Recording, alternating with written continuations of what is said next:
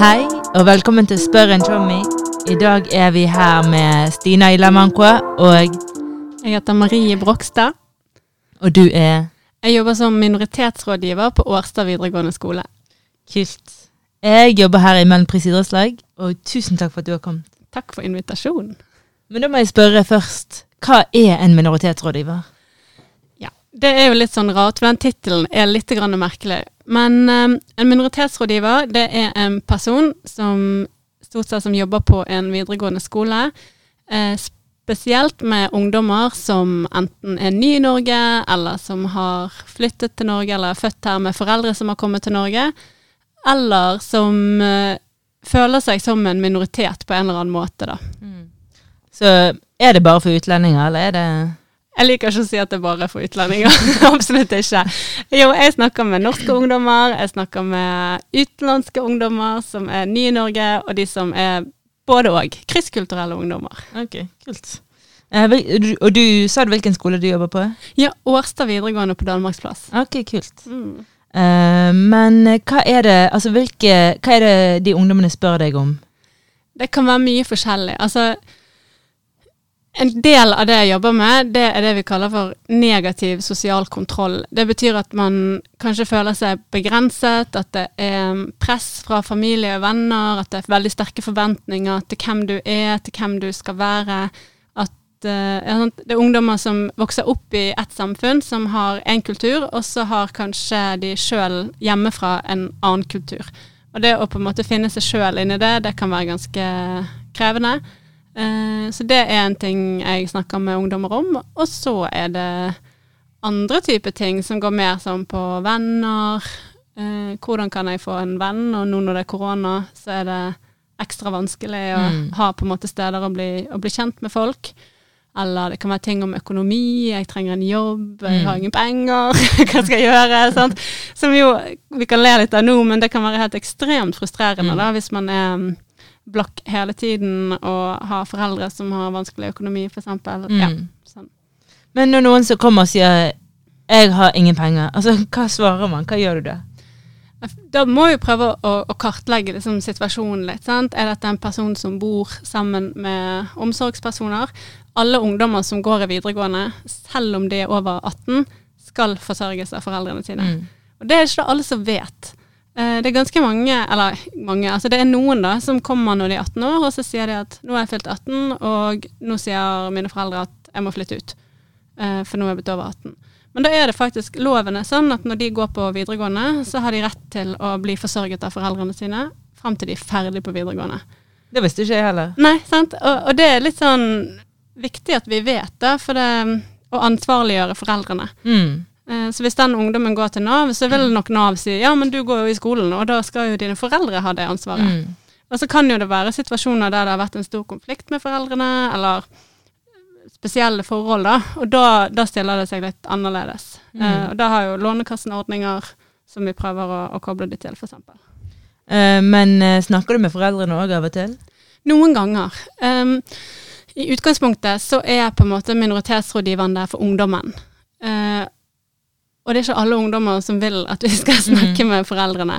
Eh, men hvis de vil det, så vil jeg veldig gjerne det. Mm. For ofte så handler jo noe av de her forventningene og presset kanskje litt om at, at, at foreldrene ikke helt eh, kjenner samfunnet så godt Mm. da, eller har den samme forståelsen for situasjonen til ungdommen som det skolen har. Mm. Eh, så noen ganger så kan det hjelpe veldig, veldig mye. Og for eksempel typiske er jo sånn eh, familie som har bodd i Norge i, jeg vet ikke jeg, åtte-ni år kanskje, eller Mm. kortere. Og så er det en sterk forventning og kanskje forhåpning om at uh, den unge håpefulle skal bli lege Mm. eller advokat eller et eller annet sånn skikkelig sånn statusyrke. Uh, og, og, så er kanskje ikke ungdommen har lyst til det, Mm. for det første. Det er ikke alle. Eh, så kan det godt hende at ungdommene har veldig lyst til det, men ikke har helt forutsetningene for det ennå. Mm. Språket er ikke der. Det blir bare nederlag, da. Mm. Eh, og da på en måte trygge både ungdommen og foreldrene på at det norske utdanningssystemet er faktisk helt fantastisk, Ja. fordi man kan eh, velge om igjen, Mm. og, og man kan bruke lang tid. Mm. Eh, det er mulig. Det er støtteordninger for å klare det, da. Mm. Men når eh, de ikke vil at du skal snakke med foreldrene, har du taushetsplikt? Ja. ja. Det har jeg. Men er det noen ganger du ikke har det? Ja, det er det også. Så en av de tingene Vi har jo alle som jobber med ungdommer, sant? det gjelder jo deg òg, Mm. vi har taushetsplikt. Eh, men så har vi jo det vi kaller for avvergeplikt. Mm. Så hvis en ungdom er under 18 år og blir utsatt for vold f.eks., så er jeg pliktig å kontakte barnevernet. Mm. Eh, så er det jo sånn at eh, det er det kjipeste i hele verden å gjøre. Mm. Eh, så jeg har vel egentlig Jeg tror det er én gang da i løpet av de årene jeg har jobbet i skolen nå, kontaktet barnevernet uten at ungdommen vet det. Mm. Uh, og da var det egentlig bare fordi vi ikke fikk tak i ungdommen. Mm. Men utover det så har jeg skrevet bekymringsmelding sammen med ungdommen. Mm. Sånn at alt som står i meldingen er kjent yeah. for ungdommen, og det på en måte trenger ikke å utlevere så veldig mye Mm. i den meldingen heller. Så blir det mer en samtale og en dialog videre. Mm. Det har jeg egentlig veldig god erfaring med. Mm. Um, men uh, du sier jo noe veldig viktig, altså sånn at når dere gjør det sammen, for det er veldig mange som ikke tør å si fra om ting fordi at de er redd for Mm. barnevernet, f.eks. Mm. Men når du gjør det sammen, så blir det en helt annen greie. Ja. Uh, men opplever du uh, For vi fikk et spørsmål faktisk fra en her i organisasjonen som har lyst til å bli minoritetsrådgiver, men så er hun Hun er norsk, sånn som deg, og så sier hun at hun syns det er litt rart kanskje å skulle rådgi folk på ting hun aldri har vært igjennom. Hun har ikke krysskulturelle foreldre, holdt på å si, og sånne ting. Mm. Opplever du at de ungdommene stoler på deg? Ja og nei, selvfølgelig. Sant? Og eh, jeg òg har tenkt mye på det at eh, jeg, eh, jeg er født og oppvokst i Bergen, mine foreldre er også fra Norge. Jeg har eh, på en måte mm, Fram til jeg begynte å studere, da, så var jeg omtrent aldri utenfor Norge. Mm. Eh, og så begynte jeg å studere Midtøsten-studier, begynte arabisk språk, jeg flyttet til Syria, jeg bodde lenge i Midtøsten, flere land i Midtøsten. Og så har jeg på en måte gjennom det da tilegnet meg kunnskap og erfaringer som gjør at jeg nå føler at jeg har en posisjon og en Mm. kompetanse til å jobbe med kristkulturelle ungdommer og som har flyttet og har en annen, eh, Mm. en annen bakgrunn, da. Så tror jeg jo at det er kjempeviktig at vi har ulike folk. Eh, fordi som Altså, jeg er kvinne. Det er Mm. ikke alle gutter som vil være komfortable kanskje med å snakke med meg. Um, i, altså vi er 50 minoritetsrådgivere i Norge da, som er spredt over hele landet. Og noen av mine kollegaer, ganske mange av de, har en minoritetsbakgrunn sjøl. Og veldig ofte så er jo det en stor fordel, for du kommer i posisjon, kanskje de har morsmål felles, Mm. andre ting. Men eh, så kan det òg kanskje være noen ganger at ungdommen føler at ok, her kanskje den personen på en måte er litt sånn vel på innsiden, da. At de er redd for å utlevere seg for at det skal være forbindelser inn Mm. eh, som kan avsløre noe. At det, at det er derfor. Sant? Ja. Og så er jo det kjemi. Mm. Hvilken relasjon klarer man å skape til de man snakker med? Jeg klarer ikke å skape god kontakt med alle, Nei. men jeg håper jeg klarer det med de fleste. Ja. Eh, hvor mange rå- minoritetsrådgivere er det i Bergen? I Bergen så er vi tre stykker. Det er Mona på Fyllingen, og så er det Emilie på Katten, og så er det meg på Årstad. Mm. Men er det bare de tre, altså elever på de tre skolene som kan få tak i dere? Nei. Vi er åpen for kontakt fra alle ungdommer. Eh, og så er det jo sånn at spesielt Katten og Fyllingsdalene er jo yrkesfaglige skoler, så det er mange som går der ett år, og så går de på en annen skole neste året. Mm. Sånn at folk flytter seg jo rundt.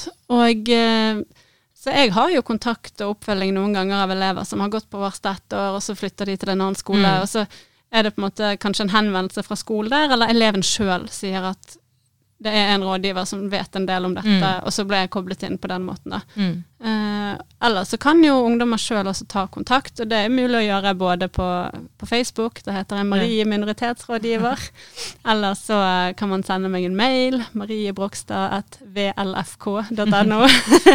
kan legge ut de der, er eh, eller en SMS liksom, på telefon. Ja. Mm.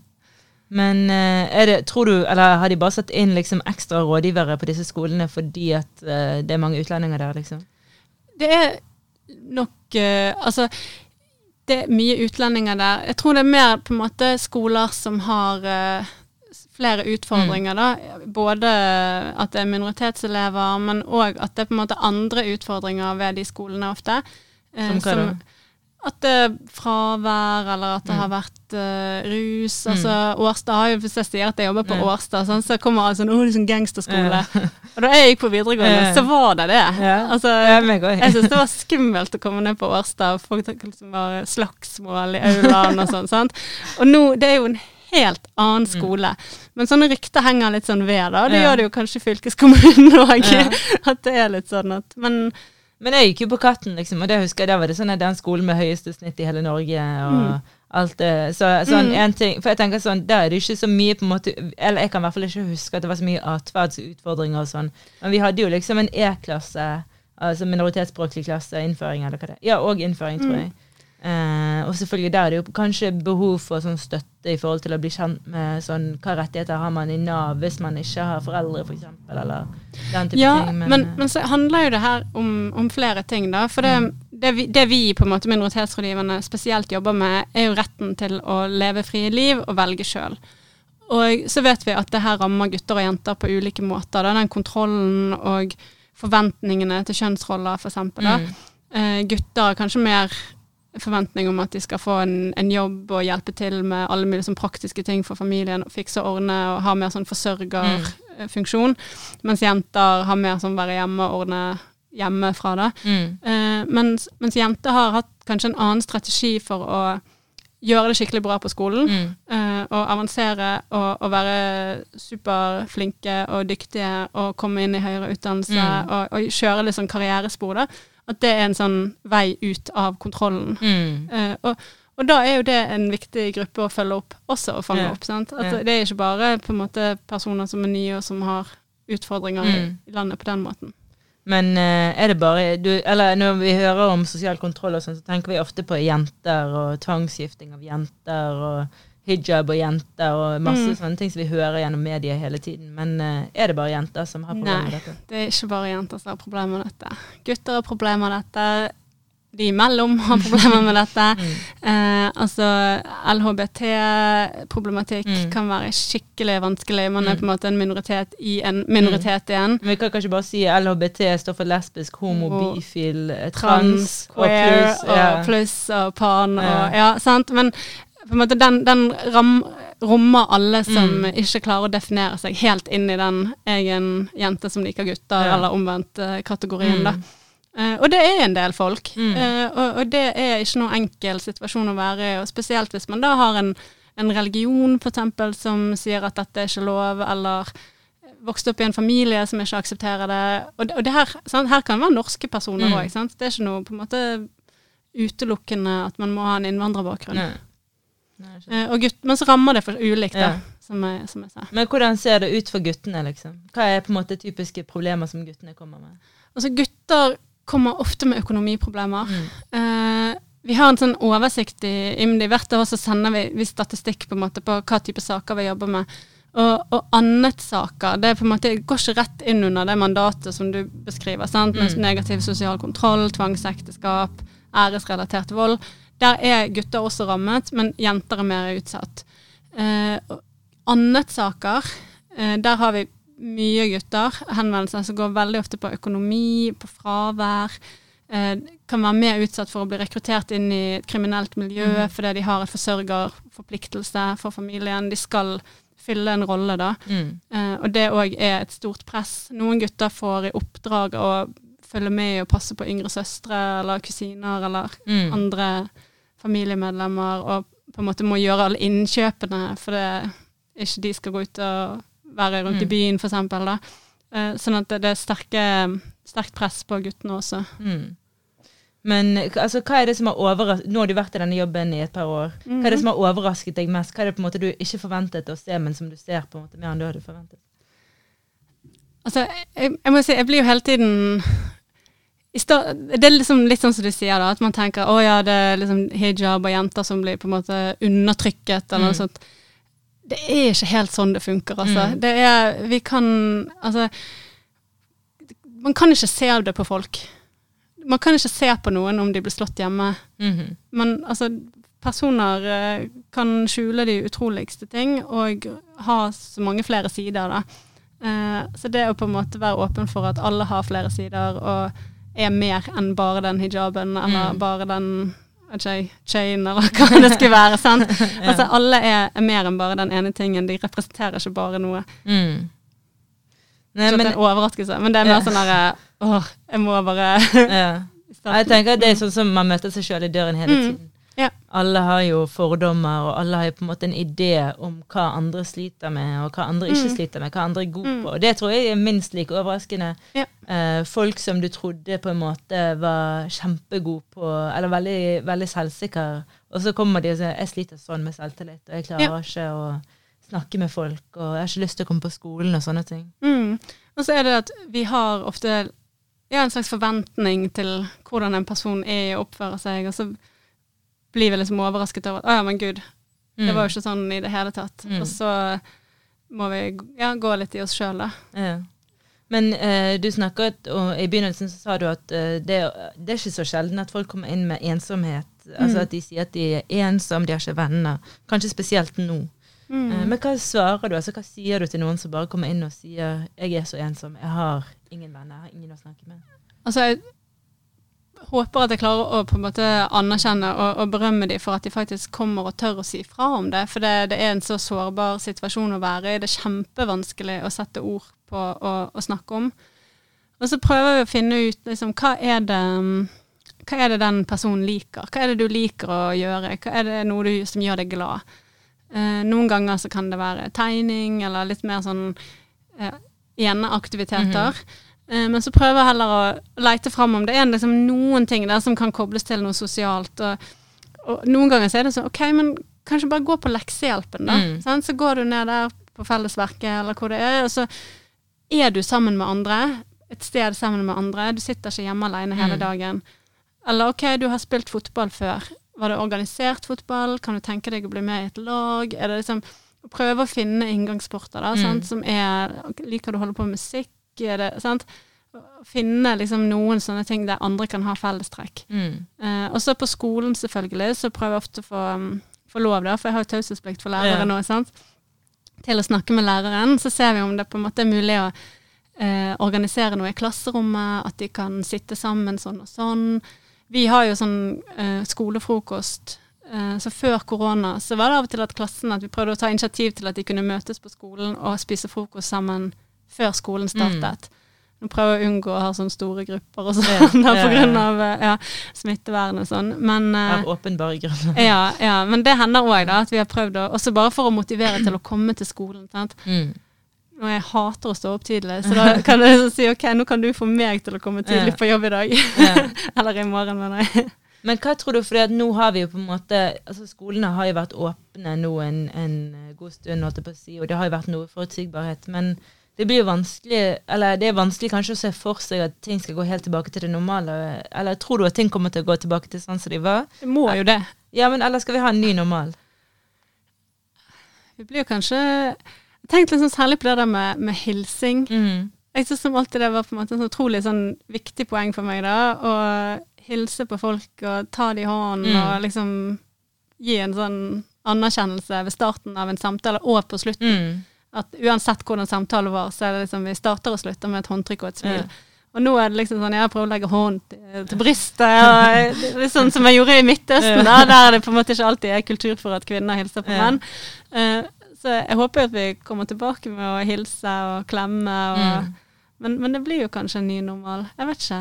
Men folk vil jo tilbake. Ja, men altså, vil, eller vil folk tilbake Jeg, jeg hører òg litt sånn her at folk føler på en måte at eh, noe altså, Men det er jo gode og, eller positive og negative ting med alt. Men sånn, jeg kan jo tenke på en måte at det, det er egentlig deilig å tenke at sånn her eh, Nå jeg bare går hjem og gjør ingenting, og det gjør de fleste andre. Ja, ja, ja, ja, og det må jeg bare si. da, sånn Med korona så har jo For de som har det kjipt, så har det blitt helt sykt kjipt. Mm. Eh, For mange som har hatt det sånn litt sånn får, får ikke lov til så mye som alle andre gjør. Mm. Så var i starten litt sånn en lettelse, tror jeg. Ja. For da blir det sånn OK, russetiden er avlyst. Ja. Alle de kranglene jeg slipper å ha hjemme nå, liksom. Sant? At det på en måte mange av de tingene man normalt ville hatt eh, konflikter om Mm. kanskje hjemme, da. Om å få lov og ikke få lov, og alle de andre får lov. Og, Ja. ja. Eh, det, var jo ingenting som skjedde. Det var jo ingen som fikk lov til noe. Så alle måtte jo være hjemme. Ja. Så det tok jo liksom brodden av for en del. Ja, men så og det som jeg tenker har vært beinhardt, tror jeg, for mange, er på en måte det der med OK, nei, nå er vi allerede fire, så det er, Ja. ikke, det er ikke plass til en til, liksom. Og bare igjen og igjen og igjen. Og jeg bare kjenner sånn der, der Å være den Ja. en for mye-personen. ja, Som alltid blir valgt vekk, liksom. For nå Ja. er det på, og nå er det liksom folk har en unnskyldning klar. Ja, ja, ja. kan si det ja nei, det er grusomt. Men hvordan tenker du at For det er jo noen som på en måte Eller jeg vet ikke, hvordan er det for dere? Er det mange som har falt ut, på en måte? Er det Jeg, jeg syns at eh, det er mange elever som har det tungt. Jeg har ikke full oversikt over hvordan Nei, nei. det, er på skolen, sånn altså, men, men vi ser at eh, de, det, det er tungt for mange elever nå mm. å, å holde ut. Og, og også egentlig for ansatte, sant? Ja. for det, det blir jo mye sånn at vi må prøve å få tak i folk. Da, sant? 'Hvor er du? Kan du komme? Vær så snill.' Og Ja. 'Please, vi vil jo bare ha deg her'. og vi vil det! Ja. Sant? Vi vil ha ungdommene på skolen. Mm. Det er ofte veldig mye bedre sted for å, å lære og få liksom en rytme på dagen, da. Men nå er jo snart dette koronahelvetet over. Hvordan, hvordan skal vi liksom på en måte sikre at selv de som ikke på en måte, de som kanskje har falt helt ut, eller Mm. de som på en måte vi ikke har fått tak i da, de siste månedene, hvordan skal vi få tak i de nå, så de kan være med nå når vi skal åpne opp igjen? Ikke, kan vi gå dør til dør? Ja, kanskje vi skal Ja. det. Men er det Altså, meg og deg som skal, eller hvem, altså, hvem Ja, skal hvem gjøre har ansvaret? sant? Nei, jeg vet jo på skolen, vi har jo noen elever vi ikke får tak i, og, og nå snakker vi om å gjøre noen hjemmebesøk, da, rett og slett Mm. for å bare vite at de har det ok, i hvert fall. Sant? Hvis vi ikke får tak i dem på telefon eller på sosiale medier Mm. eller noe sted. Sant? Vi Mm. må på en måte ha et livstegn. Ja. Ja, spesielt, altså det spørs jo litt eh, Hvis man kan få livstegn fra andre, holdt jeg på å si, men det er jo bekymringsverdig. Og så er det ikke, det er ikke bare det, men det er òg veldig trist. Det er kjempetrist.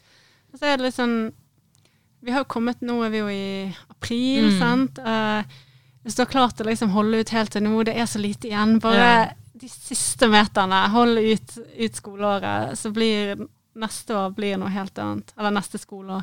Jeg har begynt å snakke som en lærer. Men det håper jeg. Altså, Ja. eh, jeg er så dritlei. Jeg tror eh, det er veldig mange andre som er det òg. ja. Men hva tenker du ok, eh, hva tenker du at vi kan ta med oss videre? Hva er det på en måte som kanskje du har lært, eller du tenker på en måte noe som vi har vi kan ta med oss ut ifra dette? da? Fra korona. Ja. Altså, vi har jo blitt flinkere til å tenke litt på andre måter, da, har ikke vi? Mm. Og, og, Mer kreativt. Mer kreativt. Og at vi, altså, vi ble jo bare tvunget inn i å, å bruke alle mulige andre plattformer. Eh, og det tror jeg jo er bra. Mm. Sant? Og at vi kanskje, da, fordi at det året her har vært så krevende for mange, så har vi fått psykisk helse opp i dagen på, en, på et helt annet nivå, da. Mm. Uh, og jeg er jo bekymret for ettervirkningene av alt det her uh, karantene, lockdown-opplegget vi har holdt på med nå. Um, men det tror jeg veldig mange som jobber i hjelpeapparatet er. Mm. Uh, og det gjør at vi kanskje er enda mer våkne, da. Så vi tar med oss på en måte en litt sånn blikk på, på det. eh, håper jeg. Ja. Eh, jeg vet ikke, jeg tenker sånn at Det som jeg kunne ønske på en måte at vi kunne ta med oss videre, men jeg er ikke helt overbevist, er på en måte hvor viktig fellesskapet er. Mm, selvfølgelig. Ja. Og det, jeg tror, jeg tror liksom at på en måte noen av de som sliter mest med å takle pandemien, og da mener jeg ikke de som på en måte sitter hjemme og er lei seg for at på en måte det, er, det suger å følge smitteverntiltak, da mener jeg mer sånn de som brenner munnbind og sånn.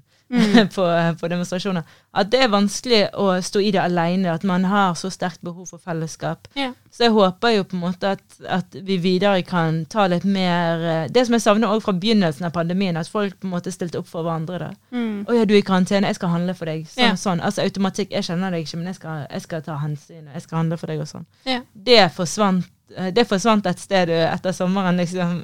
Folk ble så sliten. ja. Og det er jo òg forståelig, men jeg tenker sånn Det er på en måte det jeg kunne ønske meg at, at vi dyrker litt mer. Mm. Og da tenker jeg jo, altså For ungdommer så betyr det kanskje på en måte eh, å se seg litt mer rundt. Og hva Ikke bare sånn hva kan andre gjøre for meg, men hva kan jeg gjøre for andre? Det syns jeg var veldig kloke ord. jeg er veldig enig med deg.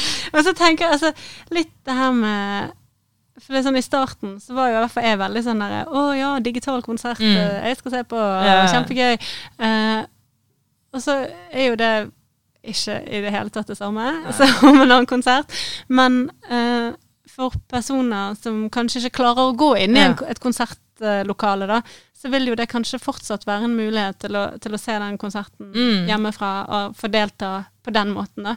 Og terskelen er veldig mye lavere. Mm. Uh, nei, men jeg tenker jeg, Altså sånn nå, Det var en venninne som var sånn ah, 'Skal vi skype på lørdag?' Jeg bare sånn «Jeg men ikke i hvert fall at jeg, eh, jeg eh, klikker hvis jeg må sitte liksom på lørdagskvelden.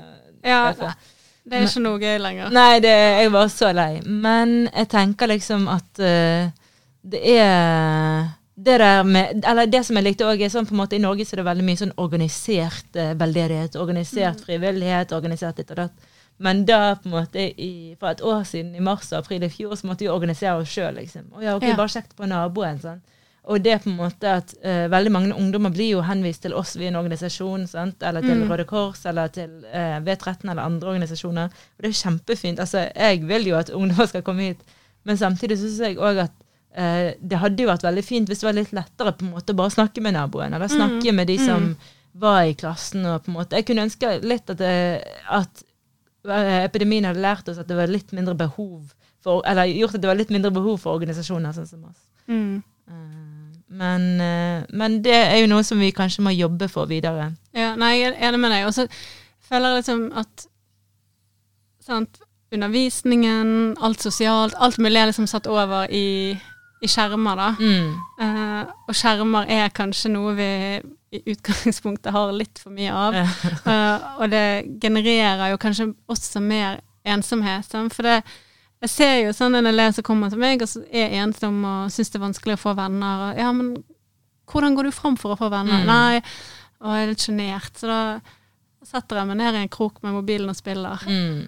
Og da er det jo veldig vanskelig å bli venn med den personen. Ja. Sant? Og da OK, men kanskje du bare spør spørre om noen vil spille med deg, da? Mm. Eller liksom se om det er noen andre som har samme spillet, eller som på en måte har et annet, da. Så, så Ja. dere i hvert fall kan gjøre det sammen. Sant? Sånn at Ja. de, de, de finner en, en connection, da.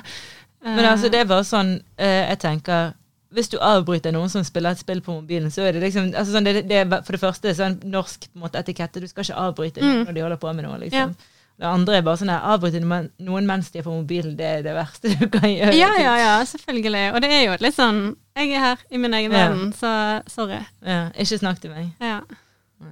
Men uh, tusen takk for at du kom, i hvert fall.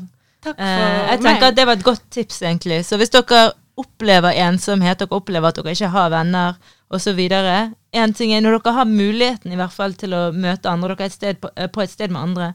Ikke sett dere på en sånn måte som gjør at dere ser ut som dere ikke trenger venner, når dere faktisk trenger venner. Det tenker jeg, det er, sånn, det er en strategi som jeg gjerne hadde tatt i bruk, men som er veldig ueffektiv.